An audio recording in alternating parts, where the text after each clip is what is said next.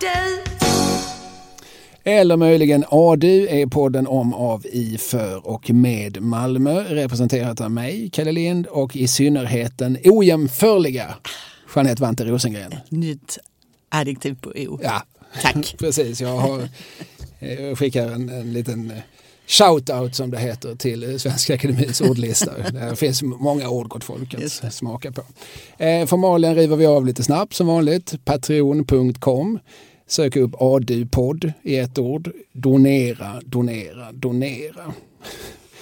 Känner er som eh, en sån här eh, florentinsk mecenat. Känner, känner er som familjen Medici. Ja, ja, kanske inte i alla avseenden. Var det inte de som högg huvudet av varandra till höger och vänster? Eller? Det gjorde de säkert. Ja. Något ska man väl hitta på. Ja. Det, det, var ju, det här var ju långt innan internet. Ja, ja. De var tvungna att fördriva tiden. Nej, nej men det, det behöver ni såklart inte göra. Det är ingenting vi uppmuntrar från, från den här poddens håll. Men, men just det här liksom att, att få vara med och, och liksom, eh, ta fram eh, Filantropi liksom. Precis, Mm. känner jag som en, inte bara som en mecenat utan också som en filantrop. Mm. Donera. Eh, tycker man att det verkar krångligt med Patreon, Vante har ju fortfarande inte ens försökt öppna sidan. Nej, nej. Eh, så har ni kanske Swish Mm. i er smartphone. Då kan man swisha. Eh, helt valfri summa. Eh, 123 052 10 88 123 052 10 88. Och sen så finns det en eh, Facebook-sida. Mm. Det var någon som undrar hur man går med i den. Jag tror att man bara liksom söker på ADU-podden. Mm. Eller ADU-podden. Det stavas likadant. Mm. Ibland har vi, har vi utropstecken, ibland inte. Men Mm. det bör man kunna hitta. Sen är det väl bara liksom gå med eller gilla. Eller så. Det händer inte för mycket. Det är ett dåligt samvete den där Facebookgruppen. Men eh, vi brukar åtminstone försöka liksom den vägen meddela att nu finns det ett nytt avsnitt att lyssna på. Ja, just det. Det är viktigt. Mm. Jaha, vad har hänt sen sist? Två av våra stora, stadens stora söner har lämnat oss. Ja, det är så tradigt. Ja. Eh, Två goa Malmöpågar som inte finns med oss längre. Nej. Mm. Och en heter Sven och en heter Ronny. Ja. Sven Melander och Ronny Hellström, precis. Och de var ju hyfsat, hyfsat jämnåriga, va, får man säga. Sven Melander var född 47 och Ronny Hellström var född 49. Mm. Mm. Och de, alltså Sven Melander växte upp någonstans vid Johanneskyrkan. Eh, ja, först, han bodde några år, de första åren bodde han på Upplandsgatan. Det är, det är Mellan Södervärn och Ja, precis. där. Eh, men sen flyttade familjen till Södra Förstadsgatan 113. Och det är mitt emot Lidl kan man säga till eh, de som vet var det ligger idag. Men det är också på vägen till Dalaplan. Ja, exakt. Mm. Precis. Och- Så de flyttade inte så långt. Nej, nej, det var bara eh, några meter nästan. Och, ehm, och Ronny då, han växte upp i Flensburgsgatan 6A, vilket är precis runt om hörnet från Melander. Eh, liksom I det här gula tegelhuset, vet du var Gyros, eh, Marathon Gyros ligger? Det har legat där i alla tider. Eh, ja, det vet jag nog. Ja. I det, det huset i alla fall, där bodde Det finns Ronny ett konditori som heter Wallins. Mitt över gatan, ja. Ja. Mm, precis, Eh, så kan man säga. Ehm, ja, så där hängde de, men bara några meters mellanrum till sina dörrar och växte upp. ja, och vi får förutsätta att deras vägar korsades mer än en gång. Dels var de ju båda idrottsaktiva som unga Ma- Malmöbor. Mm. Sen blev ju Melander så småningom journalist och jag tror att hans eh, huvudfokus som alltså kvällstidningsjournalist, där han, var, han var ju på Aftonbladet och Expressen under 70-talet. Eh, jag tror att det var sport som var hans huvudämne. Och det var ju under samma 70-tal som Ronny Hellström ju var världens bästa målvakt. Ja, jag vakta buren i landslaget. Och man ska ju säga det att han hade ju ingen liksom, fotbollskarriär som spelare i Malmö för han flyttade från stan redan när han var 13 år gammal. Men han hamnade i Hammarby istället. Men i landslaget och senare i Kaiserslautern och så vidare så hade han ju stora framgångar och var med i tre VM faktiskt spelade han i. 70, 74, 78. Fick Guldbollen och ja, massa sådana där. Ja, jag har ju faktiskt sett honom spela live. Ja, Eh, mötte något eh, division 3-lag i Lund på Smörlyckans IP. Eh, Då spelade han med tv-laget. ja just det. Ja, Det var han och Bengt Alsterlind och Gunnar Bernstrup och, ja, ja. ja. och eh, Harald Treutiger och andra farbröder. Eh, Bengt Pedrup var ju liksom Ledare, sammankallande och domare. Han hade slutat spela själv. då. Det här var 1996. Ja, ja, ja. ja och Ronny, han, då kom han ju tillbaka till Skåne sen också för han var ju, sen, blev ju sen målvaktstränare i Malmö FF i många år. Ja. Ja, och sen Melander tarvar väl ingen närmare presentation. Eh, han eh, som sagt började sin karriär, alltså han, först tror han utbildade sig till någon sorts ingenjör. Mm. Det tyckte han var tradigt. Ja. Så att då hamnade han som journalist på Expressen och sen träffade väl Lasse Åberg honom på någon fest där Lasse Åberg tyckte att det här var jävla roligt. Det var ett jävla roligt fyllo. Behöver inte jag ett jävla roligt fyllo till den film jag håller på att planera? Jo men det gör jag ju.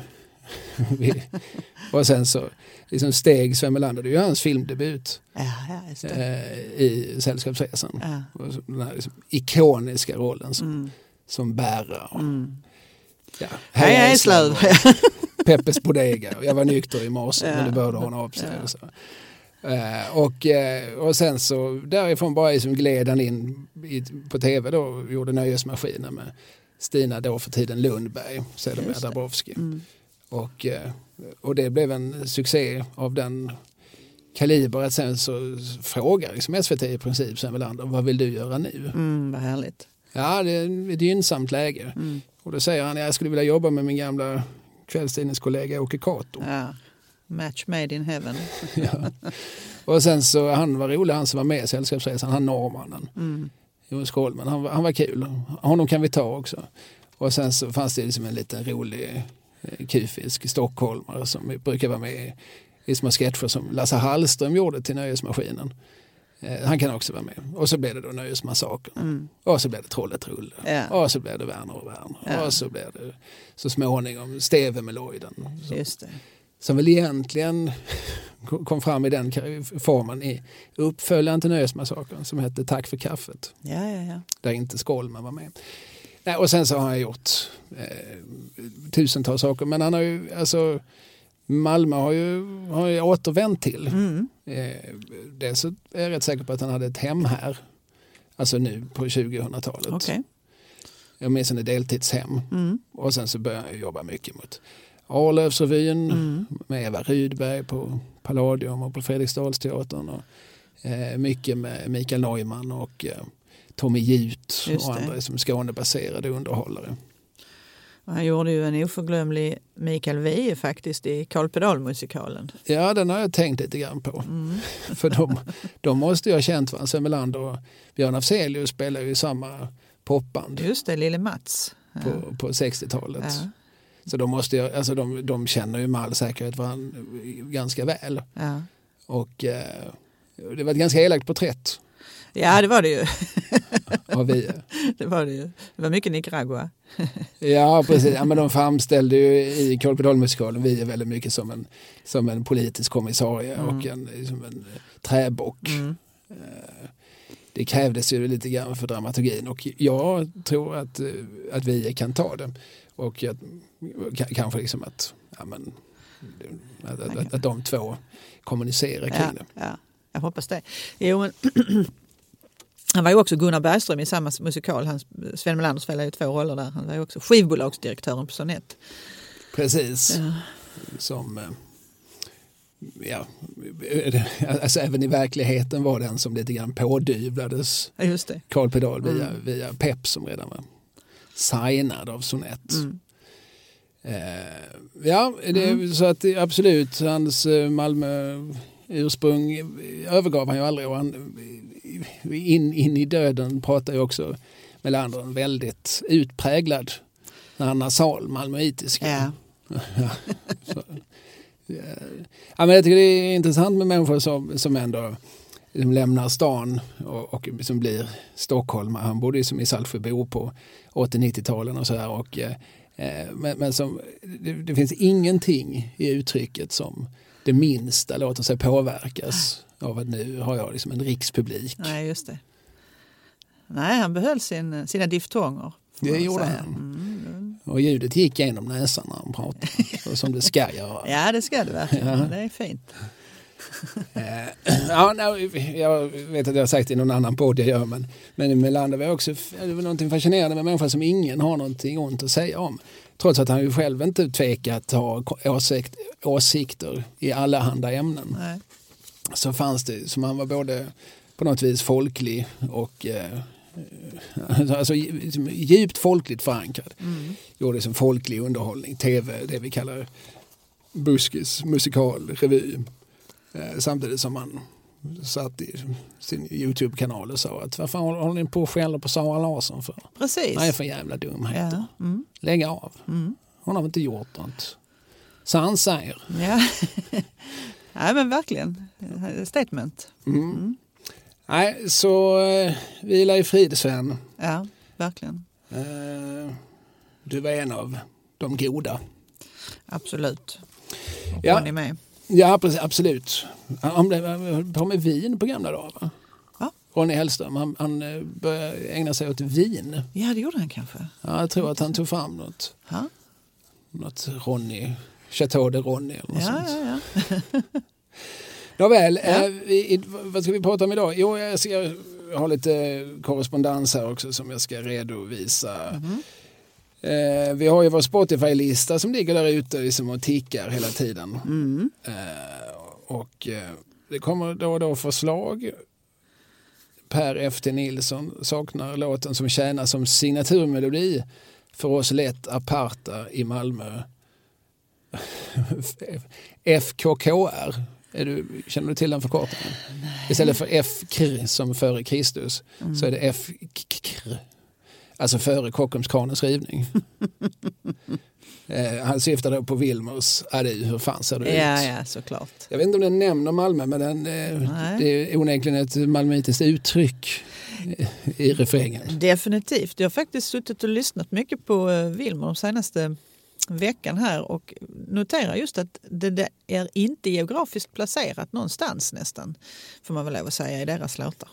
Ja, det är ju Blå vägen hem Ja, som folk hävdar är, är vägen mellan Stippes och eh, något, alltså det vill säga Ja. David Hallsgatan. Ja, just Sti- Stippes och Tahonga.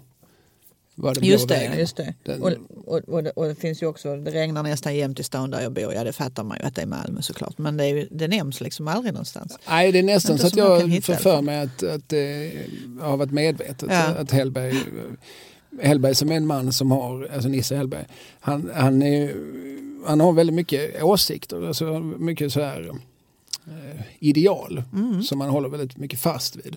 Så här ska en låt vara, de får inte vara längre än si och så. Ja. Eh, Alltså, han, li, li, lite, lite tvång får jag liksom ett intryck av att han är. Det, saker ska liksom göras på ett visst sätt. Och det kan mycket väl vara så att han, att han ogillar droppande av geografiska platser och därför undviker dem Ja. medvetet. Och det ska tilltala alla på ett riksplan och då kanske man inte kan vara Ja, det för kan, lokal. ja, det kan vara av det skälet. Samtidigt är jag väl inte rädd för att, att eh, alltså det har väl aldrig varit någon tvekan om varifrån han kommer. Nej. Han har väl liksom aldrig, han har ju inte, apropå Vie, han har liksom inget rikssvenskt förflutet. nej, just det. Under hela Bandola-tiden sjöng ju vi och Afzelius på någon sorts hittepå Ja, stockholmska. just det. och det har ju vi mer än en gång bett om ursäkt för. Mm. Eller åtminstone sagt att så skulle jag inte gjort idag. Nej. Nej. Nej, eh, och sen så, jo men det var några ännu modernare exempel. Så se om du har någon relation till Maskinen. Aldrig varit i Malmö. Maskinen aldrig varit i Malmö. Okej. Ja, och sen de, eh, de viktiga skorna. Har du koll på de viktiga skorna? Nej, kan det här vara de som står på bron där eller? Nej, Nej, det är ett band alltså, som heter de viktiga skorna. Aha. Det är ett, ett rapband. Okej. Nej. Eh, det är de här eh, rappare i samverkan, eller vad heter de, Mä- män i grupp. Alltså det, det är som ett kollektiv, den mest berömde eller ökände, famös medlemmen, han kallar sig för Mr Cool. Aha, Han var ja, lite inblandad i ett, eh, eller utsatt för ett drev Just det. här om sommaren. Eh, en del av hans, deras texter skulle många säga, eller många sa att det här är långt över gränsen. Mm, just det, ja det minns jag. Eh, men de tycker det är roligt att leka med det politiskt inkorrekta och så. Eh, där finns en medlem också som heter Färska Prinsen Mhm. som gör en massa poddar ihop med Simon Chippen Svensson som Mm. ju är en Malmöbaserad poddare. Men de viktiga skorna har gjort en låt som heter En viting i Malmö. Aha. Mm. Jag får lyssna igenom den innan jag lägger ut den på listan för det kan, vara, kan säkert vara någonting som man inte får lov att säga nu för tiden. Ord som kan bli... eh, Ja, så kommer, kommer vi väl också hamna i skottgluggen för att eventuellt drev. Anmälda. Mm. Ja. Eh, men sen har jag fått en mail, eller vi har fått en mail från Kalle Warvinge. Han skriver mycket och intressant och eh, fylligt. Han skriver så här. Ett ämnesförslag är Baltiska utställningen 1914. Mhm. Eh, jag skulle säga, inom parentes, det finns ju även grader i himmelen, att ni, alltså du och jag, är som allra bäst när det finns ett grundnarrativ i ett ämne som ni sen kan smycka med er enorma kunskap om staden och samhället i olika tider. Amalthea-avsnittet är det bästa exemplet på detta. Det borde man spela upp på läroverken. Oj, oj, oj. Om det bara hade funnits några läroverk så kanske. Ja. Kan man tänka sig att Baltiska utställningen skulle kunna vara något liknande? Mycket spännande anekdoter kring utställningen med exempelvis den ryska konstskatt som blev kvar. Eh, och sen så ber han om ursäkt för sitt myckna skrivande. Det behöver det absolut inte göra, Kalle. Men jag måste säga att podden verkligen har väckt ett starkt Malmöintresse i mig. Sarvi. Vad roligt. Ja. Tack. Och som av en händelse ska vi ju prata om just Baltiska utställningen. Ja, det är ju nästan vad heter det? en tanke som blev en... Great minds Ja, think alike. Just precis. Mm. Eh, En händelse som ser ut som en tanke. Så, ja, precis. menar jag. Vi ska eh, prata om 1914 års utställning. Ja. Det är ju som ett begrepp som, som alla Malmöbor tror jag liksom har någonstans i huvudet. Det var baltiska, var det, balti, Mm. det finns ju baltiska hallen, finns ju fortfarande kvar. Har man liksom tagit en, eh, liksom en promenad i Pildammsparken så finns det ju liksom vissa lämningar. Och, Mm. och, ja men det var någonting som, det var någonting som hände Mm. någon gång. Och man kanske just har de här liksom lite fragment av vissa anekdoter. som Den ryska konstskatten Mm. eller det höga tornet. Eller, eh, liksom, eh, det internationella eh, de internationella eh, träffarna och sådär. Men, men eh, vi vi ska kanske liksom reda upp vad, vad var det här för någonting? ja, men det här är ju en, en eh, stor utställning som verkligen handlar om modernism, teknik, industri, framtid, alltså mod, hopp, ah, åh, illusioner, allt det här härliga, liksom, härliga som ska hända nu i framtiden. Va? Ja, ja, det är ju väldigt typiskt för sin tid. Det är ju mycket Mm. sådana här, alltså från 1800-talets slut så är det ju mycket utställningar liksom i Paris och Stockholm Mm. och, eh, och Berlin och liksom, det heter världsutställningar ibland. Och liksom, det, och just det här liksom, utställningar. Mm.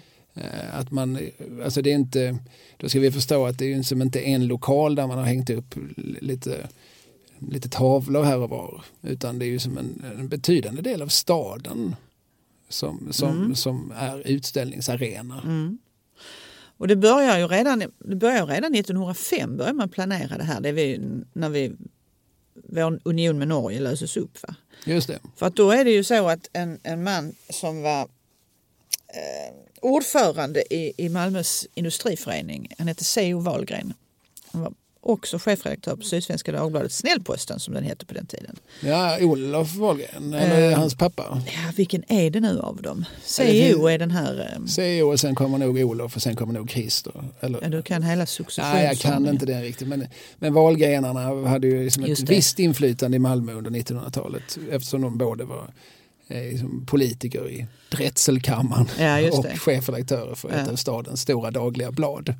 Och verkligen använde det som, som en opinionsarena. Ju.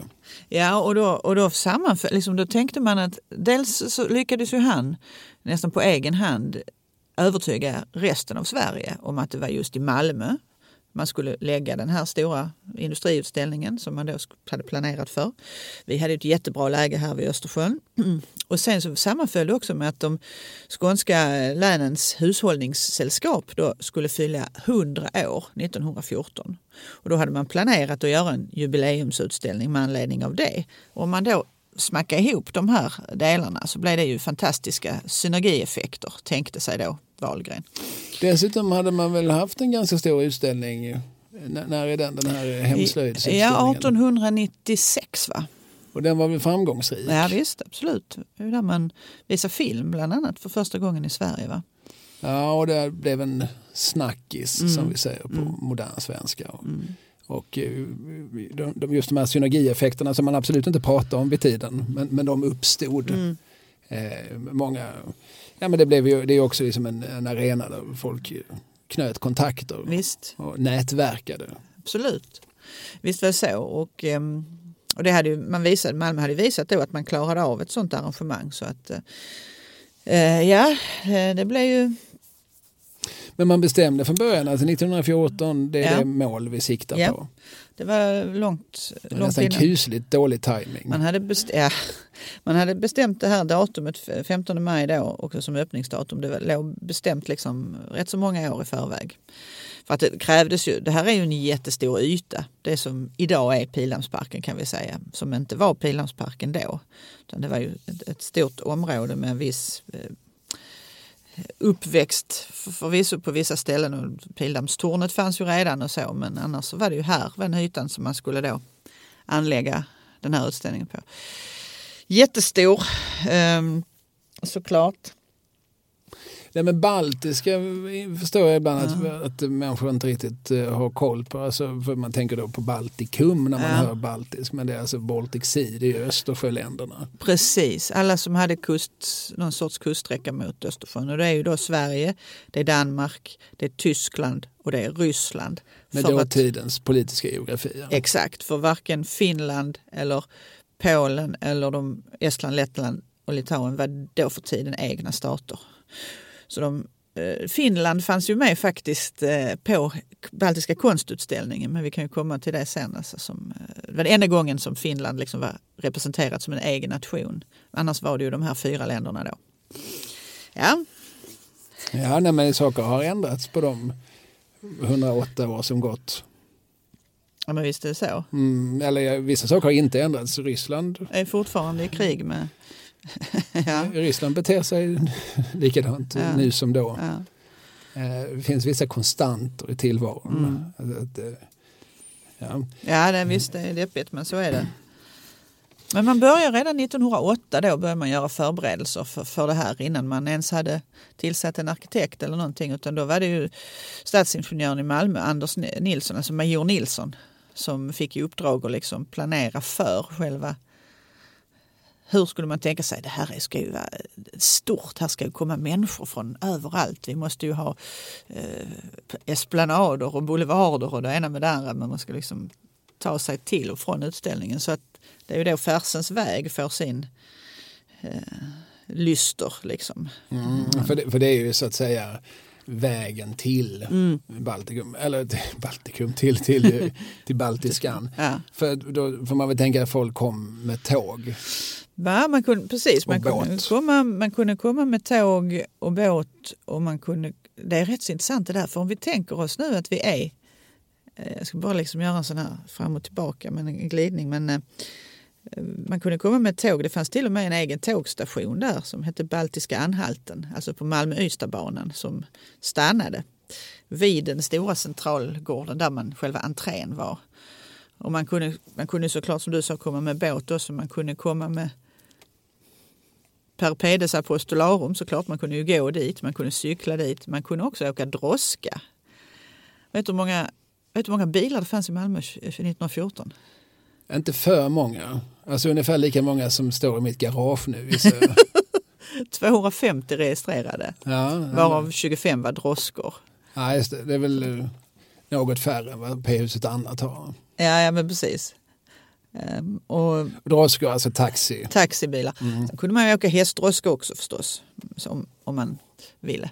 Men det fanns liksom många, och man kunde åka spårvagn. Det fanns ju en egen spårvagnslinje, det var dit jag ville komma. Nummer X hette den, det var en speciallinje som drogs fram till Baltiska utställningens entré.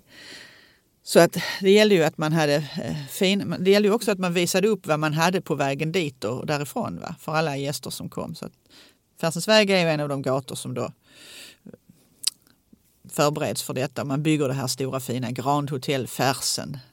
Ja, vilket är det? Det står i hörnet av Färsens väg och vad blir det, Erik Dahlbergsgatan. Eh, Och Alltså jag, efter Petri-skolan. Ja, precis, och det- Efter, alltså det är jag som har mitt gamla västerperspektiv. Men om jag liksom går mot operan, om jag har Ja. operan i fonden, Ja. så passerar jag först Petri-skolan på höger sida Ja. och sen kommer exakt, Grand Hotel. Färsen. Och jag tror att där står 1914 högst uppe där i volutgaveln också faktiskt fortfarande. Men det var ju supermodernt. Tänk dig, där var elektricitet, där var telefon på varje rum. Och sen har vi ju ett annat hotell, alltså Hamngatan som egentligen var en liten gränd från början mellan Stortorget och Centralen. Den breddade man ju och gjorde också till en liten paradgata. Savoy var ju alldeles nybyggt också, stod klart bara något, något år innan där, 1912 tror jag. Det också var supermodernt och det var ju många som skulle bo på hotell naturligtvis. Du som kan Malmös kyrkogårdar, mm. alltså stämmer den här anekdoten om att eh, alltså det som heter, det heter väl nu Slottsgatan, som, eh, mm. som, som, slickar eh, mm. Kungsparken, Slottsparken. att man kom på ganska sent inför den här utställningen att att vi behövde liksom paradgata, inte bara Färsens väg utan paradgatan behövde börja tidigare. Mm. Alltså närmare Gamla Väster, närmare båt och tågtrafiken. Ja, och att man därför drog den rätt igenom eh, kyrkogården. Ja. Eller begravningsplatsen. Uh Ja men det gjorde man. Man, man, drog, man grävde upp, enligt den officiella historieskrivningen säger att det var ett 20-tal gravar som man grävde upp kvarlevorna då och pietetsfullt återbegravde på annan plats på begravningsplatsen. Och sen så drog man vägen, breda vägen och gjorde den bredare över. Så ja, absolut. för faktum är att man ser ju fortfarande detta. Alltså, den finns ju på båda sidor. Ja, ja det står ju några strögravar ja. mot kanalen ja. till. Just det. Eh, sen, det ser ju eh, liksom väldigt brutalt ut faktiskt. Mm. Om man plötsligt noterar det. Det finns ju som en begravningsplats, lugn och fridfull inom, eh, som sträcker sig mellan Gustav Adolf och, och eh, nämnda Slottsgatan. Och, eh, men så på andra sidan Slottsgatan liksom är det en liten snutt, mm. en liten, en liten, mm. liten smatt mm. med, med utsikt just ner mot kanalen. Mm. Där, där det står, alltså det känns som att det, mm, det, det är någonting, man ser lite grann ingreppet. Mm. Jo, jo, visst är det så. Men liksom, det, det sägs ju då i den här som sagt den officiella historieskrivningen att man mycket noga återbegravd och sådär. Men jag har ju hört min eh, gamla mormor som ofta berättar om det här och det är inte klokt och de bara, de bara lade på lasset och körde iväg. Alltså man vet ju inte vad som är sant och inte sant. Ifrågasätter du din gamla mormor? som i sin tur väl hade hört det från någon annan äldre eftersom hon själv var född i 11. Men ja, jag vet inte. Det, det, var, det där traderades ju såklart i Malmö.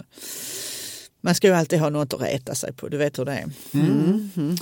Så hur som helst, hela staden kommer såklart att påverkas ja. av den här utställningen. Man gjorde liksom staden modern. Ja. Modern är väl överhuvudtaget ett nyckelord. Ja. Det, det fanns ju som en oerhörd framtidstilltro. Verkligen modern och vacker ska jag säga också för det var ju mycket sånt här som är planteringar och, och att Malmö idag kallas parkernas stad hänger faktiskt mycket ihop med den här baltiska utställningen för där förskönade man också de parker som fanns och och såg till att de var promenadvänliga och vackra och det var mycket blommor. Och, och vilka parker var det? Det var Slotts och Kungsparken? Mm. För Pildammsparken kom ju liksom någonstans till. Ja. Det var väl liksom egentligen efter utställningen som ja. det blev en park. På 20-talet ja. Och sen så Folkets park men den har ju lite andra ja. Men även kyrkogårdarna som du var inne på, både den gamla begravningsplatsen då och Paulikyrkogårdarna som ju fanns, de, de, var, de, de gjordes också, liksom, de förskönade man också av den här anledningen. För det var också ställe dit folk kunde tänkas vilja gå eller promenera eller åka. Mm. Men, men det här med modernitet mm. och, och framtidstro, alltså, det här är ju som en, en tid då teknik och automatisering och mm. maskinisering och sånt går framåt med en oerhörd fart. Alltså, sån, alltså från de sista decennierna av 1800-talet så görs det ju, så uppfinns ju allt. Mm. Alltså grunden läggs ju till oerhört mycket. Alltså bilar och cyklar och glödlampor och grammofoner och telefoner. Och allt det här kommer ju till alltså i, i tidevarv och det mm. skapar ju såklart hos människorna också en, ett, ett hopp mm. och en tro på morgondagen. Mm. Alltså, morgon, alltså det, det, blir, det blir bättre, det går snabbare, det går eh, effektivare. Vi, vi, binder ihop städerna, vi, vi, vi binder ihop landet. Alltså, det hjälper också till liksom att skapa liksom en nationskänsla mm. alltså när man bygger järnväg under 1800-talet. Att nu hänger vi ju ihop. Mm. Nu är det inte bara lösa ord utan nu, nu hänger vi ihop från Ystad till Haparanda. För det går, det går ju järnväg. Det tar några dagar att ta sig. Men, mm, men, men, ändå. men likväl. Ja. Ja. Jag, jag, tror att det är någonting viktigt att ta med sig när man förstår varför lägger man allt detta krut. Det är, det som är det, det är såklart väldigt mycket prestige och, och liksom för, för Malmös del. Så. Men, men, men alla de här utställningarna som vi nämnde inledningsvis eh, baseras ju någonstans, liksom har sitt något sorts, vad ska vi säga, ett ideologiskt ursprung i en gemensam framtidstro. Ja. Nu ska vi visa upp allt som Mm. finns. Allt, inte bara det som finns utan också det som kommer att finnas på något vis. Vi- vi- Man tittar ju också lite grann i den kristallkulan. Vi presenterar mycket teknik som, som är i sin linda fortfarande. Och så. Ja, och vi som Malmöbor vi kunde ju bara gå där och fascineras över allt detta. Vi kunde, det var ju ett sånt gigantiskt utställningsområde och det var så gigantiskt mycket att titta på och göra. Så att man kunde ju fascineras. Va? Om vi gick till lantbruksutställningen som ju var en ganska stor del av själva utställningen. Va? Man kunde, plötsligt kunde man mjölka kor elektriskt. Man kunde klippa får med elektricitet och det besparade, så man plötsligt kunde man klippa tre får samtidigt. Det där måste ju ha varit oerhört revolutionerande för, för de som kom in från eh, landsbygden och som jobbade i lantbruket till exempel. Ja, och sen fanns det säkert både en och två av, av min sort, stofilerna, som säger ja, Mm. ja, ja, håll hästarna lite nu. Alltså, Ja. Ska detta vara bra? För är det verkligen, ska det vara nödvändigt? Precis. Ska vi inte göra som vi alltid har gjort? Ja. Och eh, jag hävdar att vi fyller ibland också en funktion så att de andra inte springer all, alldeles för häftigt. Att någon ibland drar lite i tömmarna. Och, och, ja, ja. Bromsar där. Har vi kollat att, att, att vi har råd med det här? Har vi Mm. kollat att eh, jordens resurser räcker? Och så, alltså, det finns ju en poäng Mm. ibland med att någon står vid sidan av och säger memento mori. Just det, just det. Stilla dig. Mm. vill jag hävda. Men dock, jag, samtidigt så är jag ju som djupt avundsjuk när man, när man betraktar den här tiden, skiftet 1800-1900-tal, alltså, och den liksom enorma optimism som någonstans ändå verkar ha genomsyrat åtminstone liksom den, den delen av samhället som kom till tals, Mm. som, som lät sig höras i, i, liksom i, i, i böcker och tidningar. Och allting det växer så det knakar. Alltså jag tänker bara på vår lilla stad här som inte riktigt når upp till 100 000 det året men nästan. Va? Alltså vi är 90, någonstans 98-99 000 invånare. Och året därpå inkorporerar vi Limhamn så då blir det över 100 000. Men alltså det är också, Malmö håller ju på att ta det här språnget, man blir en storstad faktiskt. Det har hänt väldigt mycket i staden då på väldigt kort tid. Kan man säga. Ja, alltså rent ytmässigt, alltså, då tar Malmö slut någonstans söder om triangeln. Mm. Ja, alltså Möllevången och allt det här finns ju. Ehm, Ja, okej, alltså, ja, sö, Södervärn, kan det, är det Ja, liksom någon jo. slags yttre gräns? Men det, visst, absolut, det är ju en lantlig utpost där såklart. Ja. Mm. Eh, så, så att det, det här utställningsområdet, Pildammsparken, det är ju ändå liksom en, en hyfsad del alltså, av, av, av hela staden. Mm. Alltså, vi, jag vet inte hur många procent vi pratar, men liksom, Ja, det var 490 000 kvadratmeter. Om man nu kan omräkna det till ja, någonting i hur stor var staden? Hur många Ja, kvadratmeter nej, var Malmö? Precis. Ehm, det kan jag inte svara Nej, på. jag tänker inte tvinga dig. Men, eh, men, men om man bara tänker sig så här. eh, Den här stora eh, själva runda centralgården när man kommer in på utställningen, när man har betalt sin entré då. Den, den var, det var, det var, det var liksom kom man till en gigantisk stor rund centralgård. Den ytan på den centralgården användes sen, för det var ju Ferdinand Boberg som hade ritat det här. Vi ska ju prata om honom såklart. Men sen när, när Pildammsparken skulle då anläggas och Erik Bülow Hybe var den som planerade det. Då använde han de måtten och tog exakt samma mått som Centralgården hade haft när han lät anlägga tallriken. Alltså eh, rekreationsytan i Pildammar, den runda. Så nästa gång man står på tallriken så kan man ju bara titta sig runt och tänka så här stor var bara själva entrén på Baltiska utställningen. Tallriken är ju stor. Ja. Det är väldigt eh, tydligt när man har, om man har kanske varit på något träningspass Just och ska det. springa några varv. Ja.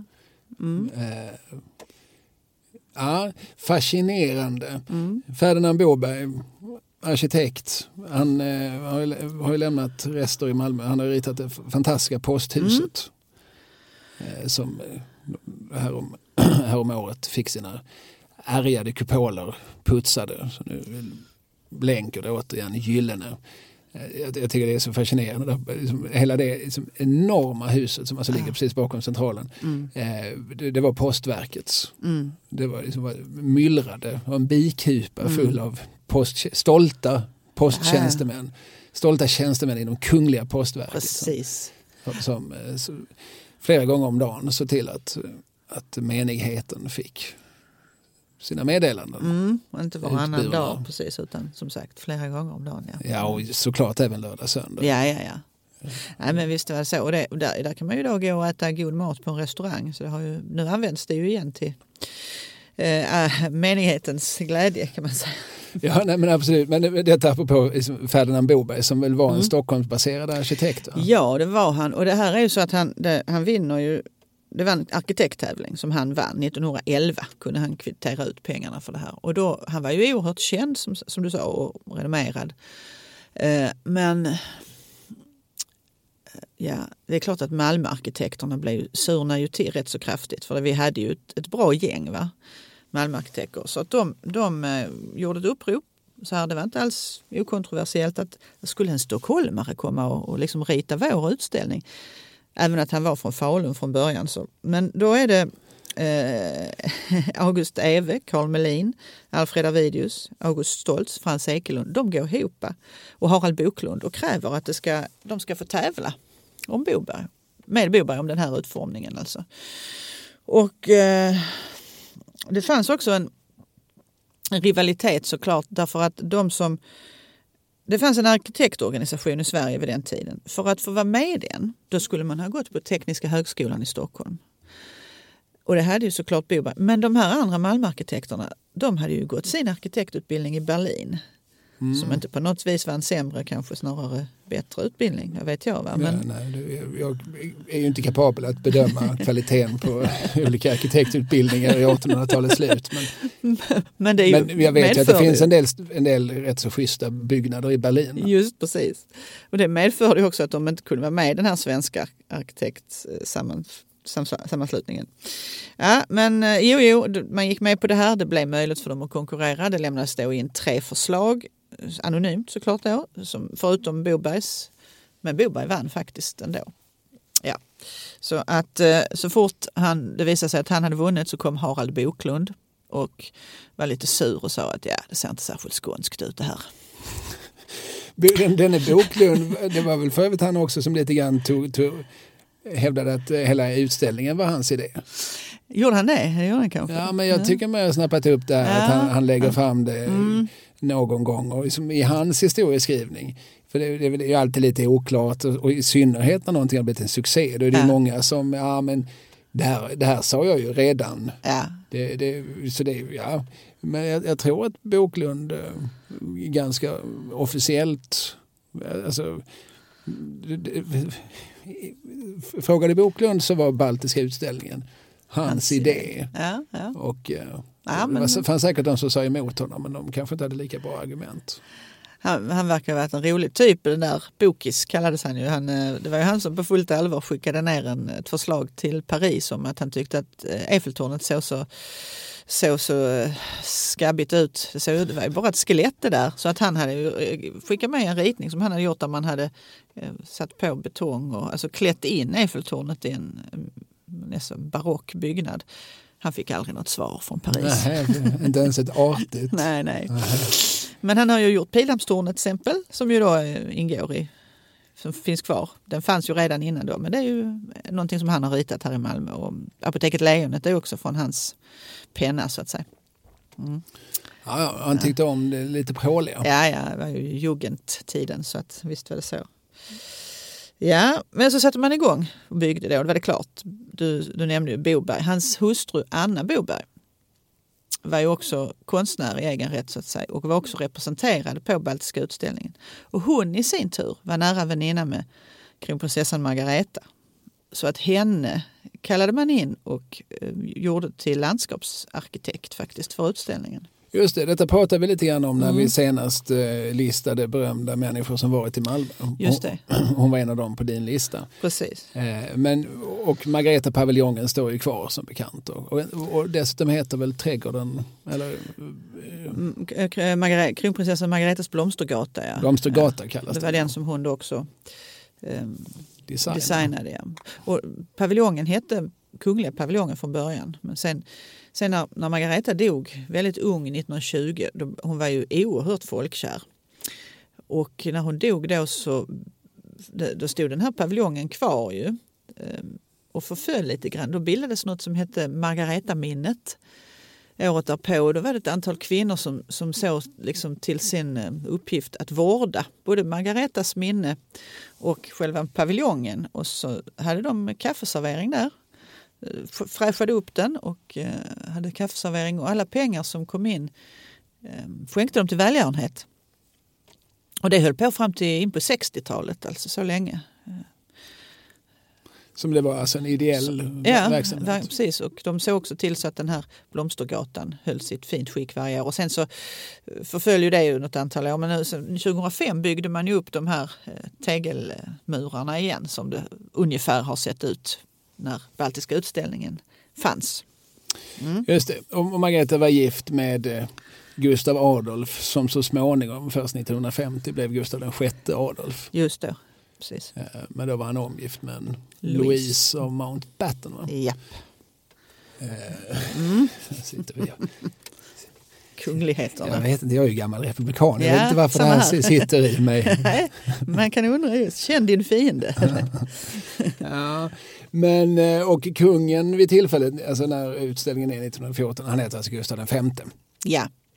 Och man kan också säga att kungligheterna, det var ju väldigt mycket kungligheter som var här eh, under Baltiska utställningen, inte minst just Baltiska spelen, alltså idrottstävlingarna som arrangeras. Det ska man säga också att de hade väldigt nära hit för att hela somrarna tillbringar ju de på Sofiero. Så att de kom hit och invigde olika saker och delade ut medaljer och till vinnare och sådär. Det var ju liksom inte utan kunglig glans heller får man säga. Eller i alla Nej. fall, eh, Och var det kunglig glans från flera länder då också? du det vet jag faktiskt inte. Nej. Det var ju kejsare i två av dem vid det tillfället. Alltså Ryssland och Tyskland var ju kejsardömen då. Va? Ja, men varken tsaren eller kejsaren var på plats. Nej, och, och det tror jag inte. Men, De och det hade var, nog fullt upp med annat. Va? Jag tror också det. För att när man skulle göra den ryska paviljongen, den ryska avdelningen, då fick ju Ferdinand Boberg åka till Sankt Petersburg och lägga fram sina ritningar för någon edil där eller eh, någon, sorts eh, ja, Denisov hette han. Ja, och det var mycket fram och tillbaka innan då, de tyckte att det var tillräckligt ryskt. Va? Men sen fick han i alla fall godkänt och så fick han åka hem och så fick, byggde man, började man ju bygga. Och det här var ju en lång byggprocess såklart. Det tog flera år att bygga. Och det är också intressant därför att det var inte riskfritt att vara byggnadsarbetare på den tiden heller kan man säga. Det finns ju em, statistik då på hur det gick. Va? Under själva, hela tiden man byggde den här utställningen och när man rev den så inträffade 17 arbetsolyckor varav fem med dödlig utgång. Mm. Så fem män fick sätta livet till. Det finns en baksida av glansen. Mm. Det är ju som OS i Sochi. Ja, exakt. Visst, det var en tjusig arena Mm. men den krävde sina blodiga offer. Ja. Och, em, Eller förmodligen som alla skrytbyggen i alla tider. Ja, precis. Och vid den här tiden hade man heller inte alls några säkerhetsanordningar. Så att när, när det här höga utställningstornet byggdes, det var ju 87 meter högt, två hissar, det tog 40 sekunder att åka upp till, då kunde man titta ut över hela Malmö va, och äta gott i en restaurang där uppe och så. Men när man byggde det här tornet så var det en, en eh, byggnadssnickare som trillade ner, han hette Valdemar Sigfrid Lindén. Trillar ner, bryter nacken, 29, dör alltså, 29 år gammal, gift, fem barn, yngsta barnet tre månader. Alltså det är så tragiskt så det är inte sant. Vad som händer då är att hans kollegor på bygget de lägger ner arbetet fullständigt. Så går de till basen, till byggmästaren och kräver att nu måste vi ha säkerhetsanordningar. Man har inte haft något som helst eh, tänk kring det. Eh, och det, det förekom ju många andra olyckor också som inte ledde till döden. Alltså, så att det var ja, inte utan problematik som det här bygget. Det här tornet är överhuvudtaget väldigt intressant ur någon sorts malmitiskt perspektiv. Vi lever ju i en flack stad. Mm. Den är liksom utkavlad över åkern. Eh, och, det- det- och tittar man sig omkring idag så ser man ju att i Malmö bygger vi ju gärna högt. Mm. Det är kronprinsar och det är Torsson och det är... Eh, The point. Mm. Ja, eh, precis. Och det, det, Hilton heter det inte längre. Men, Sheraton heter det absolut inte längre. nej, ni, Scandic Triangel. ja, tri Triangelhotellet och, och Malmö Live och, Ja. och, och sådär. Vi bygger ju gärna högt och det, och det är ju för att vi någonstans vill kunna se vår stad. Många andra städer har ju liksom naturliga utsiktsplatser. Går man runt i Stockholm och Göteborg så, så här och var, om jag bara klättrar upp för den här bergsknallen Mm. så kan jag ju se några kilometer. Det kan man ju ingenstans. Nej. Och det här är ju som första, eh, den första fallosen vi, som, som reses. Mm. Eh, alltså det, men det, det kan ju också, man kan säga det som början på en lång och ja, tämligen stolt tradition. Mm. Alltså, alltså, eh, att det är så vi, vi måste göra eftersom, eftersom marken är så plan. Ja, visst. Eh, 87 meter av världens högsta träbyggnad, brukar det säga så? Ja, ja, okej. För allt det här man skulle säga att det, det, var ju mycket smäck när man byggde. Det skulle ju bara stå där fyra månader så att det var ju mycket eh, enkla träkonstruktioner och som puts på det liksom och lite väv och sådär. Så det var ju inga stabila.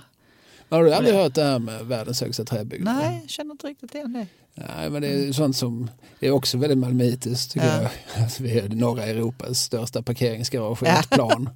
Och sånt. Norra Europas högsta pariserhjul och så. Just det. Vi ska vara liksom vara högst. Torsen var väl också, eh, som, både kronprinsen och Torsen var väl liksom Sveriges högsta bostadshus Mm. när de stod färdiga. Torsen är det väl fortfarande. Mm. Men jag tror att både Stockholm och Göteborg har, har antagit utmaningen och har tagit fram hus som är fem eller tio meter högre. Ja, såklart. Och jag förutsätter att inom vår livstid kommer Malmö att, eh, att säga ah, okej, men vi, var, vi är ju ändå bäst på att bygga högt. Ja. Det kommer, kommer fler höga byggnader, var så säkra. Mm.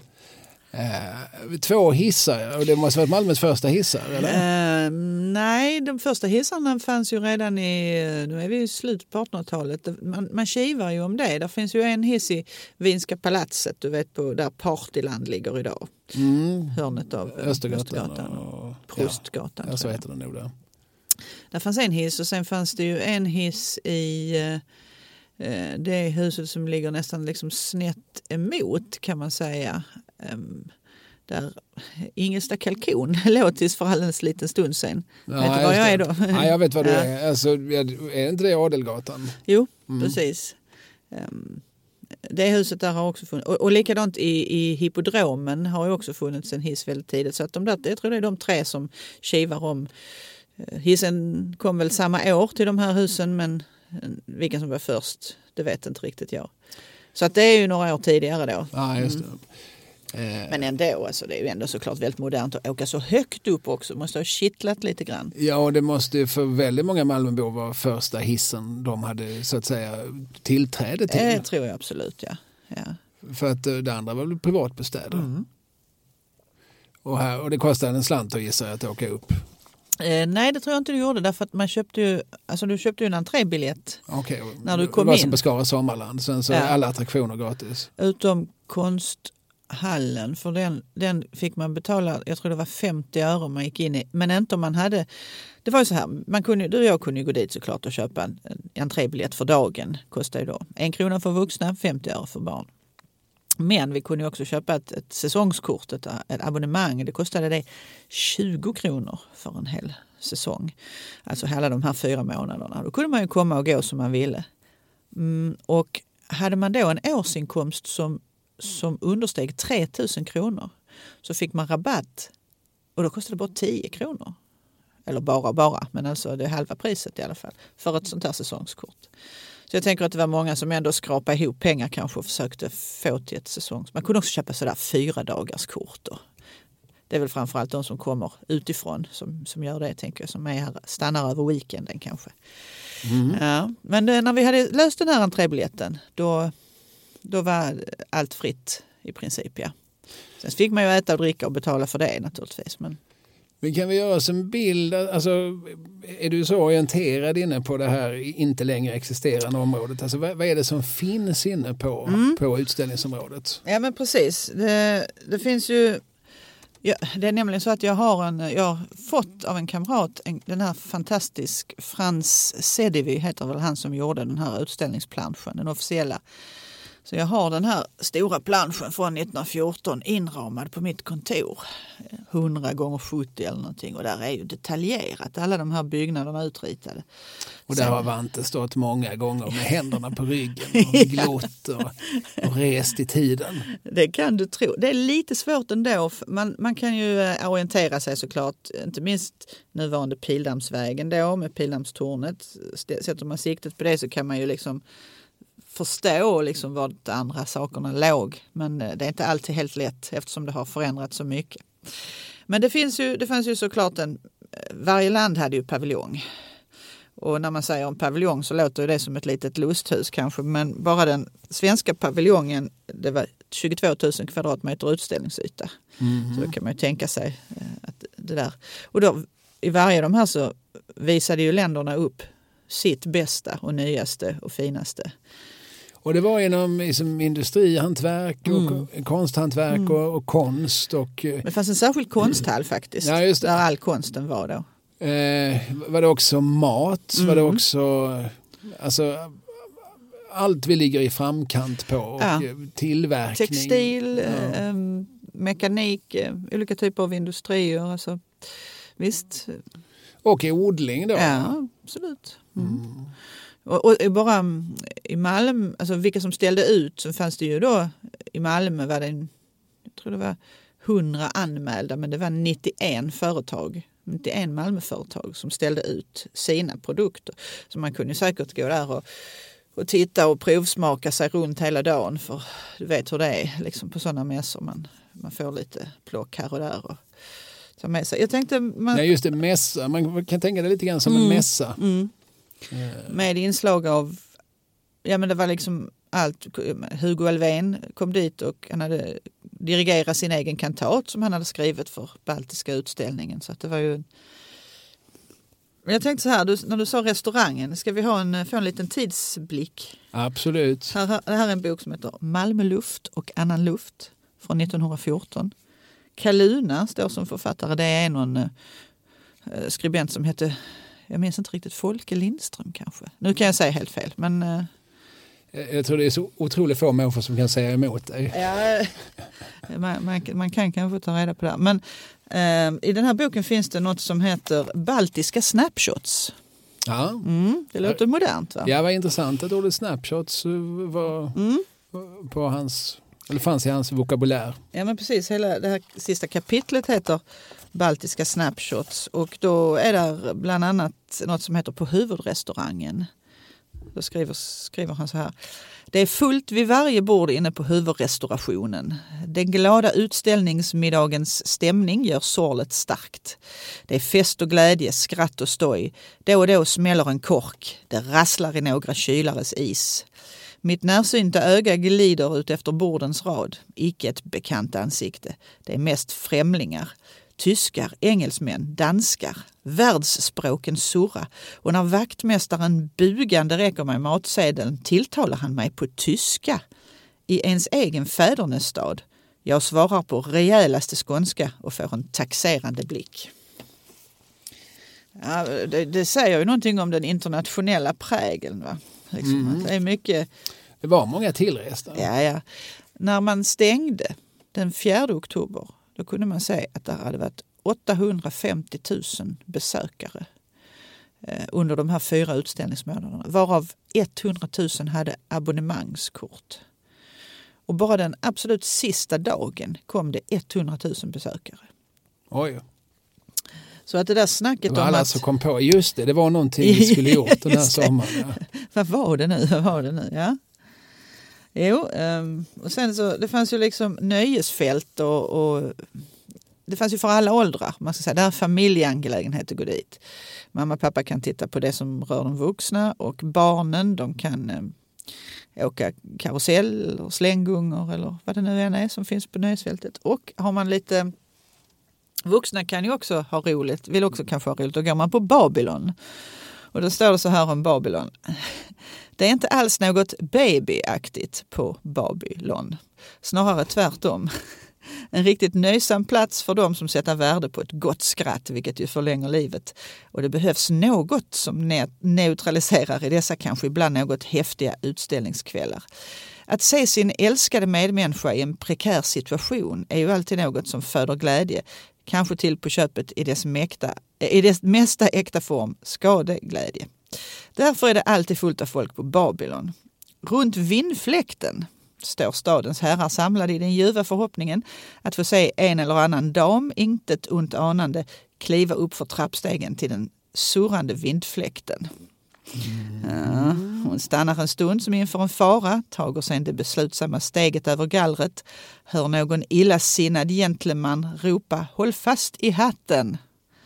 Och då gör hon det, alltså då släpper hon i samma nu det intuitivt fasta greppet om kjolen och vad som händer är att Ja, du Hon gör en Marilyn Monroe alltså. Ja, precis. Vindfläkten gör så att kjolarna flyger upp och herrarna kan se vad som döljer sig eh, under kjolarna. Eller se hennes vader kanske i bästa fall. Ja, jag försöker bara förstå, som är det, det är alltså kvinnliga gäster på utställningen som som går där eller är det, var det professionella? Nej men man, det var ju lite lur, så här, lite, de visste ju inte om vad som skulle hända utan man uh, skulle gå upp, det med lustiga huset ah, ja, på okay. något sätt. Mm. Och så vet ju herrarna om det här att här kommer den vindpust upp och så skriker de håll i hatten. Ja. Och damerna går på det här nästan varje gång. Mm. Och det är klart, stora fina hattar, då ville man ju inte att de skulle blåsa av. Nej, nej, nej. Alltså, oavsett vilket så någonting måste jag ju offra här. Mm. Antingen hatten eller min värdighet. Exakt. Ehm, så att sånt kunde man också roa sig med om man vill.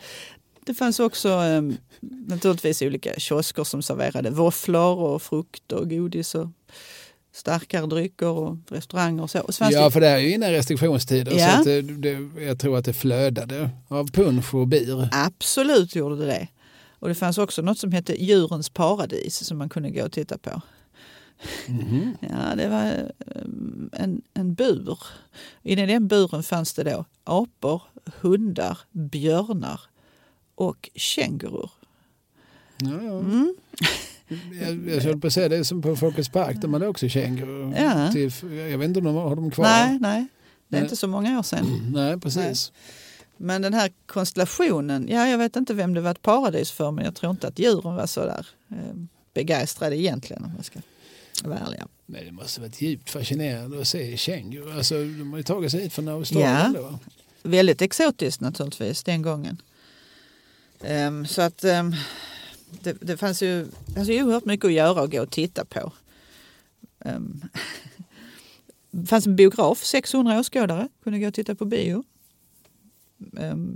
Fyra dansbanor, det fanns roulette, spelpaviljonger, skyttebana, Alltså Kalle, vi hade kunnat vara en hel, en hel helg där inne. Ja, eller vi, vi hade kunnat ta säsongskort och ja. vara där i fyra månader. Eh, ja, okej, okay. och sen så konstutställningen då. Eh, Vilke, alltså jag, jag, tror att Nils Stardel ställde ut. Mm. Um, så var en up and coming eh, liksom, målare som är mest känd för den döende dandyn och sådär. Men, men precis. Um, Alltså 3500 utställda verk fanns det i konsthallen, den baltiska konstutställningen. Och då var det ju från alla länderna. Eh, och svenskarna, det var ju de här gamla kända såklart, Carl Larsson. Eh, det var, eller det var, man ska säga så här, det var bara levande konstnärer, det var eh, samtida konstnärer.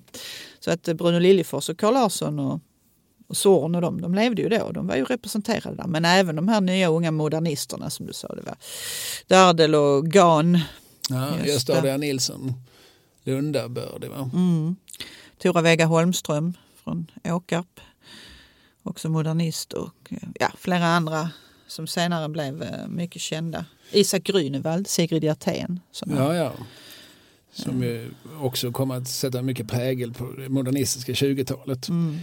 Eh, Grünewald gjorde ju många dekorer åt Karl Gerhard. Just det, såklart. Man får alltid in Karl Gerhard. alltid. Ja, det är strålande. Ja, hade jag inte tyckt att jag gjort mitt jobb ordentligt. Men vi kanske ska återanknyta till vad Kalle Warvinge i sitt mejl skriver om, Mm. alltså det här, den ryska konstskatten. Mm. Kan du den storyn? Ja, men det, är ju, det hänger, det hänger ihop med att eh, första världskriget bryter ut, skotten i Sarajevo. Det gör ju det. Mm. Alltså under den här utställningsperioden så startar ju ett världskrig som kommer att eh, ta många, många miljoner unga mäns i synnerhet liv. Ja, Eh, förfärligt. ja, Skyttegravskrig liksom. Ja. Ja. ja, där, dit önskar man inte sin värsta ovän. Nej, Men detta liksom, det här händer ju samtidigt. Ja, så och det, detta är där ju jag pratar om, om sällsynt dålig timing. Så, Mm. eh, ja, Så och det det. gör ju att det är väl ett av skälen till att, att ryssen och tysken inte är så närvarande i praktiken. På, eh, med, med, skickar, inga, skickar inte så för många ombud. Nej precis, för det, det här skotten är väl där i juni va? och sen bryter kriget ut i juli och eh, då, då måste ju de här, då blir de ju, de är ju krig med varandra då, blir det ju Tysk, Tyskland och Ryssland så att säga.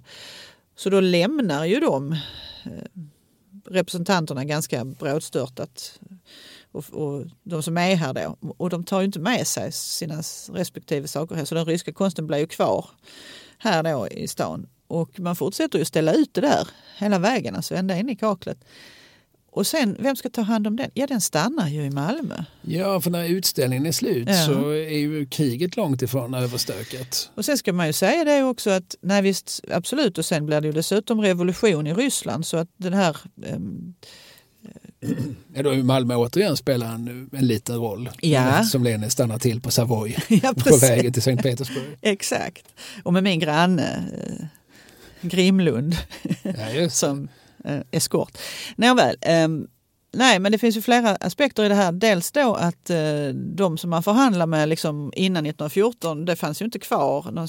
Den typen av organisation fanns ju inte kvar från kejsardömet när det sen blev en annan typ av, av statsskick. Och sen så var det dessutom så att, att ryssarna hade eh, inte betalt sina fakturor helt enkelt. Så att när man sen skulle riva det här, som ju också, det ingick liksom i, det kostade också pengar och då hade man ju skrivit på avtal att man eh, skulle betala för det, uppförning och rivning av sina respektive paviljonger. Ryssarna betalade inte.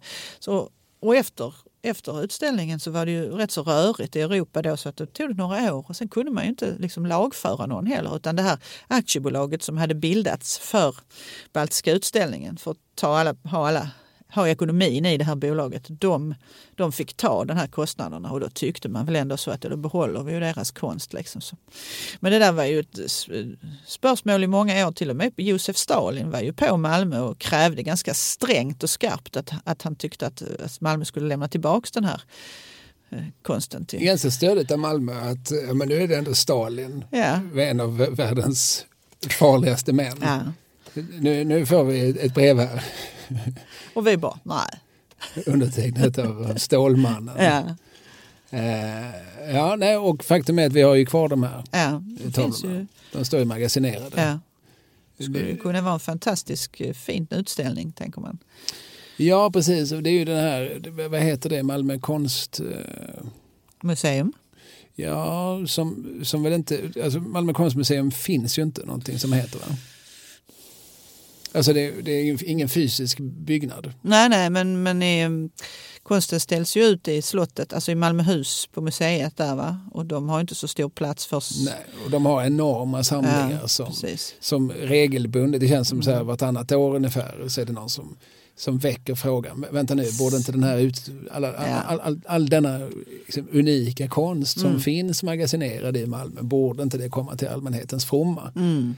Eh, och, det, och så är det någon som säger jo det borde den. Och så dör debatten. Ja, och så kommer det någon ny, ibland så står det ju någon stor lokal, som exempel eh, Pildammsskolan stod tom ett tag, så tyckte man att ja, men där skulle väl vara utmärkt att ha en konsthall. Och så diskuterar man väl det lite grann. Men jag vet ju inte hur, hur diskussionerna går i kulturförvaltningen kring det här. Nej, nej, det är såklart ett oerhört åtagande. Ja. Alltså, det är ju inte billigt Nej.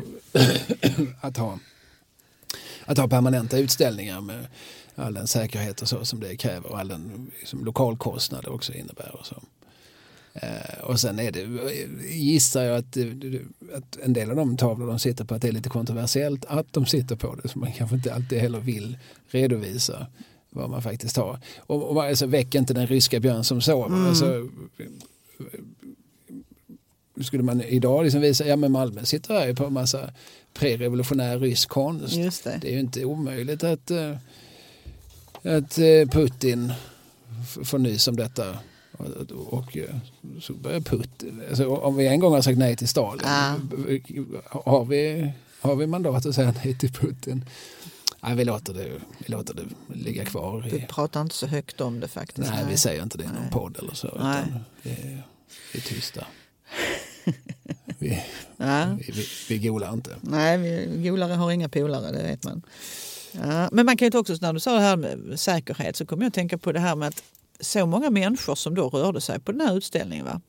Det kom ju väldigt många varje dag och det är ett stort område. Man kan ju tänka sig att man planerade för att ah, det kommer ju ändå hända ett och annat. Va? Det kommer ju vara några ficktjuvar där som ser en gyllene marknad framför sig. Så att poliskammaren då var ju, var ju väldigt eh, vad ska man säga, proaktiv kring detta. Man ställde alla sina poliser till förfogande för den baltiska utställningen. Så busarna på andra delar i stan hade ju glada tider. Eh, för de som, och de som skulle tjänstgöra då, de hade fått viss utbildning i tyska faktiskt och vissa även i, i andra språk så att de skulle kunna kommunicera med besökare. Och, sådär. och polismästaren då, han hade gett order om att ingen semester skulle delas ut under hela utställningsperioden. Vilket betyder att alla poliser jobbade 12 timmar om dagen utan att ha sin sedvanliga fridag som de hade vart nionde dygn. Det var hårda papper på den tiden. Va? Mm, kompenserades detta sen efter utställningen? Alltså, alltså alla, alla polismän då var lediga? För då kan jag tänka mig att det återigen blir glada dagar. Just det, för buset. Ja. ja. det, fanns det var uppdelat så att det fanns, dels fanns det en ordningspolis och de var ju uniformerade och gick omkring och och var lätt igenkänningsbara. Men sen fanns det också en detektivpolis som var civilklädd och de hade utrustats med, allihopa de hade fått varsitt litet fotoalbum som de kunde ha i sin ficka. Och där fanns det då bilder och illustrationer på alla kända tjuvar och förbrytare och bondfångare som alla de här länderna då hade skickat in från sina register. Så då kunde de gå, ja, tittar man där, kan inte det vara den där kända bondfångaren? Nej, det var ju bara Kalle Lind. Ja, ja, ja. Men de, de hade den här boken med sig. Inte så känd bondfångare. Ja, just det. Ja, men eh, vad hände det då någonting? Eh, ja, man hade också flera polisstationer inne på utställningsområdet. Man hjälpte ju också till med folk som hade blivit av med saker och tappat bort sina barn och vad det nu var. Ehm, ja, det fanns ju några stölder som var mer omskrivna än andra. Den ena var en grovarbetare på området som stal en tre meter lång kokosmatta. Mm. Imponerande. Ja, tog hem den då. Och sen var det en montör som stal sju knattingar madeiravin. Han blev tagen på bar gärning. Rätt så på lyset faktiskt. Men annars var det rätt lugnt utöver mm. det. Det var inga allvarligare fall. Liksom. Malmöborna och gästerna höll sig i skinnet. Det var väldigt varmt den här sommaren också ska sägas. Jag tror det kan göra sitt till. När det är för varmt så orkar man inte riktigt. Nej, fast man kan ju annars bli väldigt sugen på madeiravin. Ja, det var kanske det just han hade blivit. Han sa ju det faktiskt i förhören. Oj, jag tyckte nog det var söt öl. Han trodde det var en pilsner, eller sju pilsner han hade stulit. Ja, eh, ja men Baltiska utställningen, en succé. Absolut. Som eh, såklart då överskuggas och svärtas ner av det världskrig som råkar sammanfalla. Eh, men, men det är ju intressant, Baltiska hallen finns ju kvar, eller finns ju inte kvar, eller den, den finns ju nu, den, finns ju, den, den tillkommer ju långt senare. Mm. Alltså uppe vid 60-talet någon gång va? Ja, mm. alltså är det så att, den, att det är något 50-årsjubileum av utställningen som gör att den får sitt namn? Eller vet du varför ja, Baltiska hallen heter som den gör? Jag tror precis att det är 50 år efter faktiskt som man bygger det. Mm. Så 64 ja, står det färdigt ja, då? Ja. Och det är det, då är det som en liten hommage ja. eller en tribut till, till en utställning som betyder mycket för staden för ett halvsekel sedan. Mm. Och sen har vi nämnt tidigare sången Balt i rullan. Mm. Den eh, gissar jag att du kan. Så balte rullan, tjong fille ball, ball, ball, balte fluan, balte fillejox. Någonting sånt va? Andersson och Pitterskan och baltiskan och en jädrans ihop och bönder med förstås. Utställningsvisan. Ja, men det, och den, fram, den kommer ju året därpå va? i en eh, revy på Folkets hus. Nyårsrevy på Folkets hus och där det är den här, är det inte Göran Frau Hyllie som sjunger den eller? Har jag fel för mig nu? Det kan vara någon Ja, annan. det skulle kunna vara. Eller är det Jöns Svanlund? Ja, eller Viktor Svanlund kanske han heter. Jaha, ja, ja. Eh, tycker jag mig ha stött på någonstans. Men det, han, han som spelar liksom den ursprungliga Skurupsbonden Mm, precis, just det. som kommer. Alltså det är en lång, jädra lång låt. Ja. Många verser som handlar om allt han ser på marknaden. Ja. Från lite, lite bondskt eh, underifrån perspektiv. Just det. Och det hände detta och detta och det var märkligt. Ja. Det var besynnerligt. Och man fick sig en rögelsehavann och sådär. Ja. Men vad, vad är det liksom en jädrans hop och bynner med förstås. Ja, just det. Just det, för att själv är han ju inte bonde. Nej, men det var... Han, kom, han kom från Skurup, ja precis. Han sjöng, sjunger det också. Att han hade ju varit på marknaden i Skurup innan men det var ju ingenting mot det här alltså. Nej. Ja, ja, men det är, ju, det är ju ett av mina, liksom, vad ska jag säga, eh, specialområden. En sak som jag har fascinerats av mycket. Liksom just hur man via populära visor, inte minst revyvisor, och så här, som kan få liksom en, liten, en liten ridå glipa in i en tid. Just det. För, för den, den sången uttrycker ju någonting. Alltså, det blev ju en eh, succé när den framfördes 1915. Och det, varför blev det en succé? Jo, för att hela publiken kan känna igen den här typen. Vi har någonstans så delar vi alla den här, den här erfarenheten. Mm. Att, att, att gå runt där och storökt och, och liksom överrumplas av alla dessa intryck. Mm. Alltså i en tid utan tv, utan, det finns inte ens radio. Radion kommer 1925. Ja, Eh, det här är, alltså det, det måste varit så mycket som var nytt Ja. som var för första gången. Och det var första gången som vanligt hyggligt folk kunde åka hiss. ja. Alltså smaka saker de aldrig smakat, Ja. se, se saker de aldrig sett. Alltså, och så, så mycket. Och, och samtidigt som då alla dessa människor runt omkring dem som redan i, i, de i sig ju såklart är, är, är liksom ögongodis. Mm. Folk som har klätt upp sig.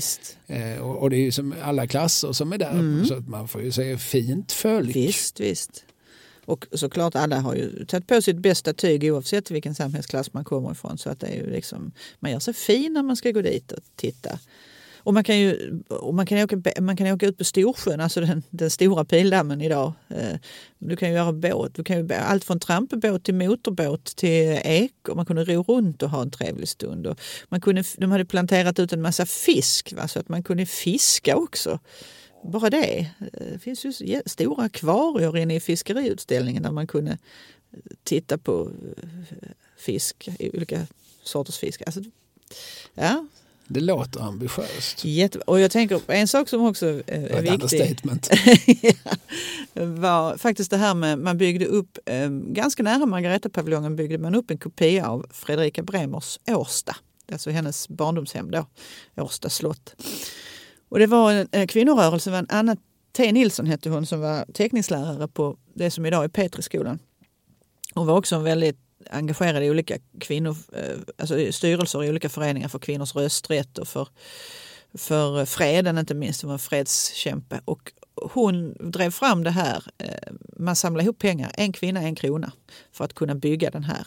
Alfreda Videos ritade. Och eh, inne i den så hade man det där, var liksom kvinnornas utställning kan man säga. För där kunde kvinnor få hjälp och råd Ehm, rent juridiskt. Man kunde, ungefär som att gå till en syokonsulent. Eh, utbildningsråd. Var ska jag ta vägen? Fanns, finns det något för mig här? Ehm, allting så att det, inte bara skulle bli en mäns utställning för män va? om teknik och innovation och sådär. Utan det här var också en, stor del som, som rörde kvinnorna och var väldigt populärt. Och det fanns en nykterhetsrestaurang i den här Årsta också. Vilket inte var, det ska man inte heller liksom, eh, man måste också tänka på det här, superiet det är väldigt utbrett. Va? Så, Skönt med en frizon. ja, mm, Där, där karlarna inte fått i sig fullt så många punschalvor. precis, just det. Man faktiskt kan föra en konversation med dem. Ja. Ja. Ja. Med fler avtryck, alltså om man går runt i Pildammsparken idag, Mm. vad, vad, är rester från, från Baltiska utställningen? Jo men det finns faktiskt eh, en hel del eh, spår kvar.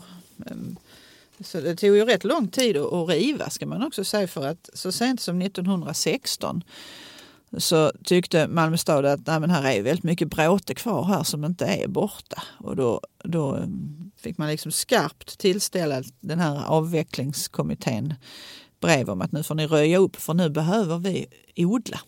För då, då är det dyrtider och nödtider och krig och så, så då skulle man odla potatis i hela det här området till Malmöbornas fromma. Så att eh, då, då börjar man liksom att röja kring det. Men det, som vi sa, Margareta-paviljongen finns ju kvar. Mm. Eh. Det finns något brunnskar som Ferdinand Mm. Boberg också har stått... Jag, jag vet inte om han personligen stod och, och, och, formade detta, men det har han i alla fall designat. det. Ja, ja, precis. Stentemplet kallar man det. Och det, det står nu, när man, om man letar upp det nu så ligger det ju mitt inne i grönskan. Eh, väldigt lummigt sådär. Men det stod precis vid den här stora centralgården mitt i trappan. Alltså i, mitt i liksom händelsernas centrum fanns den här. Man får gå in och föreställa sig det. Jag tänkte den vita staden kallades det ju för att alla hus, mer eller mindre alla hus och byggnader var vita. Och det, man bara kan tänka sig hur festligt det har varit. Sen fanns det ju, eh, finns det ju en liten en, eh, en brandstation var det på Baltiska utställningen men det var rest av en, en bondgård som hade legat på platsen tidigare så den var äldre. Idag är det nog ett utedagis som inte jag har fel för mig. Stock och sten. Heter det så? Ja. Ja, det hette så förr i alla fall. Ja. Utedagiset i Pildammsparken. Mm. En röd tegelbyggnad. Ehm, Den, den har ju också varit med redan innan Baltiskan då. Förskolan säger jag så att jag slipper få de mejlen. Ja, ja just det, det har du helt rätt i. Förskola, förris, uteförris. Alltså Thylénpaviljongen är också någonting. Det, om, du, om du kommer längs med, vad blir det då, Carl Gustavs väg blir det väl va? Där ser man ibland bullspelare. Ja, ja. Mm. Mm. Och då är den idag ett klubbhus för den här bullföreningen. Men det här var en, en liten acetylenpaviljong på, på Baltiska utställningar. Så det var ju helt nytt då med acetylengas som man kunde använda på olika sätt. Och efter utställningen så köper Ystads IF, IF den här huset för 325 kronor. Och så har det stå- stått i Ystad ett antal år. Ända fram till 2003 faktiskt. Jaha. När Malmö liksom fick tillbaka det då så fräschades upp för då var det rätt slitet. Och så, nu står den i parken igen och är, lyser vackert. Ja, det är lite gulligt. Alltså man har någonstans, alltså, den här utställningen liksom monteras ner och förskingras och sen så har man vid olika tillfällen försökt göra liksom små Mm. restaurationer. Eh, Ja, men vad- vi kanske bör återbörda vad som är vårt. Nu, nu be, behöver den här Ystadföreningen inte längre sitt hus. Just det. Så tar vi tillbaka det Mm. dit där det en gång stod. Ja. ja, det är en trevlig tanke. Det fanns ju många hus. Det finns ju någon villa i Bjärred till exempel och någon Ja, några andra, någon i Nordanå tror jag, om det inte är rivet än, som hus som sen liksom flyttades ut och blev privatbostäder och som man då fick staga upp lite bättre såklart. Men, eh, Men bostadshus alltså. Mm. Mm. Och sen finns det ju på lantbruksutställningen då som var liksom en stor del av det här. Det var ju, det var ju inte Boberg som ritade den utan det var Videos som ritade den. Där finns ju, alltså om du går in i, i Folkets park, det som man kallar ridhuset.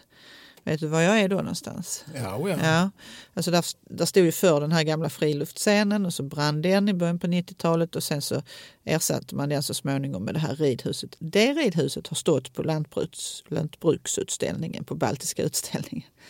Så det är också gammalt, även om det inte står på sin originalplats. Liksom. Så det finns lite såna, eh, om man går på Vega, restaurang Vega på Malmö museer kan man gå ut i den här lilla trädgården ju, och där finns en sån här um, portal. Den, stod, den fanns på den danska utställningen. Mm. Alltså, ja, små saker lite här och där. Bysten av Per-Henrik Ling utanför Malmö IP är också en kvarleva från Baltiskan. ja, ja den gamle gy- gymnastikinnovatören. Från södra Ljunga i Småland. Ja. Mm. Ja, men så det, det finns, eh, finns några olika kvarlevor. Ja, och sen eh, vad tror vi att det gjorde för Malmö-mentaliteten? Eller liksom för, eh, jag tänker det är ändå liksom en kraftansträngning. Vi har visat att vi kan någonting. Mm. Att, att, att, den här staden har någonting och nu har den ännu mer. Nu har vi liksom dessutom fräschat upp den och gjort staden betydligt, betydligt mer mm. anslående. Mm. Uh, alltså, hur, hur länge lever liksom minnet av utställningen kvar? Ja, men man kan ju säga det här är också tror jag, första gången i Malmö som man har um, eh, souvenirer på det sättet. Alltså man, det finns ju otroligt mycket saker som tillverkas som man kan köpa med sig som minnes. Jag har själv flera saker i min ägo som är gjort på baltiskan. Liksom. Det är allt från brevpressar till eh, små vaser till ja, eh, så här cigarettetuier och sådär. Va? Ja, ja. du vet, som baltiska utställningar. Alltså, och, och, man gör också jubileumskatalog. Men man gör också för turisterna en guidebok. Det har det inte heller funnits i Malmö tidigare. En guidebok. Där får man, I den får man förslag på olika eh, turer man kan gå alltså som inte har med baltiskan att göra. Men om man vill se det medeltida Malmö, då ska man gå, börja där vid det huset och fortsätta där. Och sen, vill ni sen se parken så går ni in där. Och det här, det här gör ju någonting såklart för turism var ju inte ett ord som fanns på den tiden, men att har man en gång varit i Malmö och varit med om allt det här så åker man ju tillbaka till, till Skurup och berättar det här naturligtvis. Och så, och så renderar det väl fler gäster kan man tänka sig i den bästa av världar. Så det liksom, Malmö blev, blev ju en storstad på den här tiden. Eller vid den här tiden. Ja, ja men eh, så eh, Baltiska utställningen var viktig, mm. vågar vi säga, för, för staden. Ja, det, det tycker jag absolut man kan säga. Eh, för det moderna liksom. Och, och, det finns ju, man kan gå till något som heter filmarkivet.se om man vill se levande bilder från, från Baltiska utställningen. Det är en 14 minuter lång film som man kan, den är ju naturligtvis utan ljud men då kan man gå runt där eh, och följa eh, Malmöborna eller vilka det nu är som går där. Jag ser på lystern i dina ögon att du har gjort det. ja, jag tycker det. Ja, jag skulle så gärna velat vara där faktiskt. Ja, du kommer inte närmare än så. Nej, Nej men det, spännande tid och eh, en spännande utställning. Jag sitter och tänker i, mitt huvud vad som har funnits i min tid så har det ju såklart varit Bo 01-utställningen och ännu tidigare något som hette Nordform 90 som också var en sån här stor utställning. Men det kommer naturligtvis inte i närheten av Baltiskan ändå.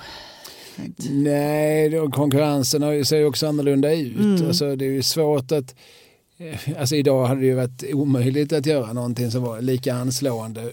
Alltså, och i synnerhet om man då liksom tar in vad som finns som eh, konkurrensmedel mm. i tiden. Alltså, å, återigen, om, om det liksom, dels inte finns någonting annat från början och så kommer allt detta. Ja. Det, best of the best från fyra länder. Ja. Fyra riken kan man ju säga. Ja, rätt rejäla riken ja. i två av fallen i alla fall. Ja för både Ryssland och Tyskland får mm. sägas ha varit eh, det kanske inte är understatement, men, men, men eh, rika riken, kult, mm. kult, kulturellt rika riken. Definitivt. Och det, det fanns ju, man hade ju också en, liksom en baltisk musikfest, alltså det var fyra dagar. En dag var det Sveriges tur, en dag var det och så vidare, de andra länderna då. Då, skulle man, då presenterade man, då kunde man sitta och lyssna på, ja, det här är svensk musik, då var det bara män då som Stenhammar och sådana här olika som spelades men ändå. Va? Pettersson Berger typ. Ja, alltså, precis. Mm. Den typen. Um, och så nästa dag var det då Ryssland och så vidare. Och så, man, och så kunde man ju... och är det då Stravinsky? Och... Mm, visst, visst. Sånt där va? Carl Nielsen från Danmark. Ja. Gissar jag nu. Man kunde njuta av, av, av alltså det var, det var något för varje sinne på något sätt. Som, och sport, alltså idrottsspelen skulle man ju också gärna velat vara med på att titta. Faktiskt. Man, när de tävlar mot varandra. Liksom. Nej, du är ju intresserad av sånt ju. Ja, ja men alltså, då hade man ju, allt låg ju inte på det baltiska utställningsområdet utan simspelen var ju av förklarliga skäl förlagda till havet. Eh, så, Saltsjöbaden, alltså Ribersborgs kallbadhus. Där man då tävlade i olika... var det ju en svenska där som hette Emmy Maknov som, som var spelens okrönta gudinna höll jag på att säga. Eller sådär. Hon, var, hon tog ju senare olympiska medaljer. Men det var, man, man hade verkligen eh, stora namn som framträdde. Ja. Mycket entusiasm i det här avsnittet. Mm. Tänker jag. Vi är aldrig så glada som när, när någonting som vi absolut inte haft en chans att vara med på. När, när, vi sitter och försöker återkalla hur det kan ha varit där och då. Förmodligen hade vi bara gått och gnällt när vi hade varit, ah, det är för varmt och det är för dyrt. Och det är för... Precis, ja. känner jag mig själv. Det är inte ens säkert att jag hade gått dit för jag tyckte, nej, det går alla andra.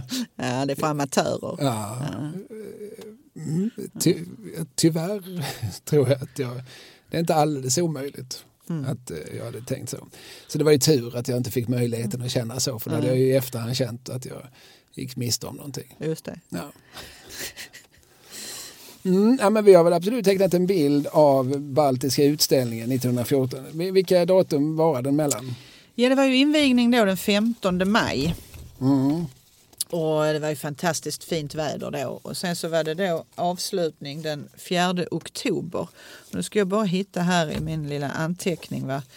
Då var det nämligen... Um, det var ju ett helt annat klimat. Ja, det måste ju den värsta sommarhettan ha lagt sig. Just precis.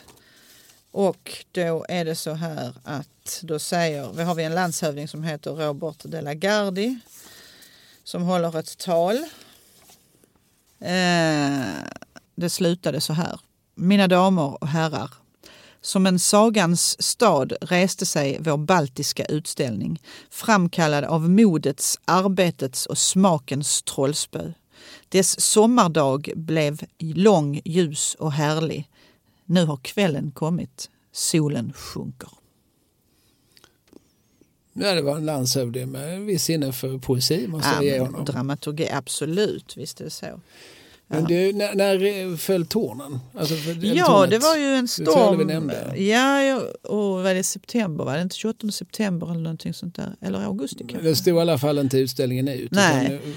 och det måste varit rätt dramatiskt att ja. de är liksom över 80 meter höga det över 80 meter höga tornet faller. Det finns en historia om, det fanns en restaurang där uppe då också. Det finns en, en, berättelse om att det satt en man och åt och när det började svaja betänkligt så, så kom ju kyparna och personalen och sa att nu får vi avslö, avsluta din, din lilla petit déjeuner här för att uh, det det, det, drar upp till storm. Va? Och han sa, ja visst, det, jag ser det men jag ska bara äta upp här. Och liksom de en efter en så åkte de ju ner och satte sig i säkerhet och han hann ju precis ut i princip med servetten om munnen och sen så rasar tornet. Ja, vad nöjd han måste ha varit med ja. att jag avslutar fan med måltiden.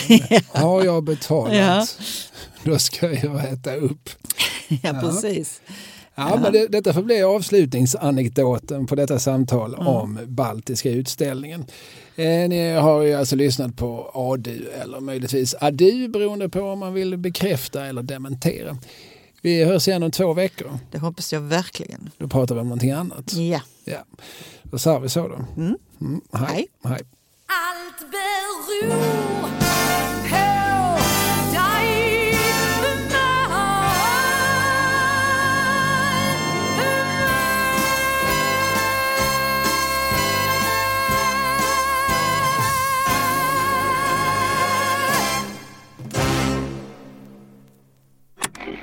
Programutsändningen presenterades av Kalle Lind, kulturarbete AB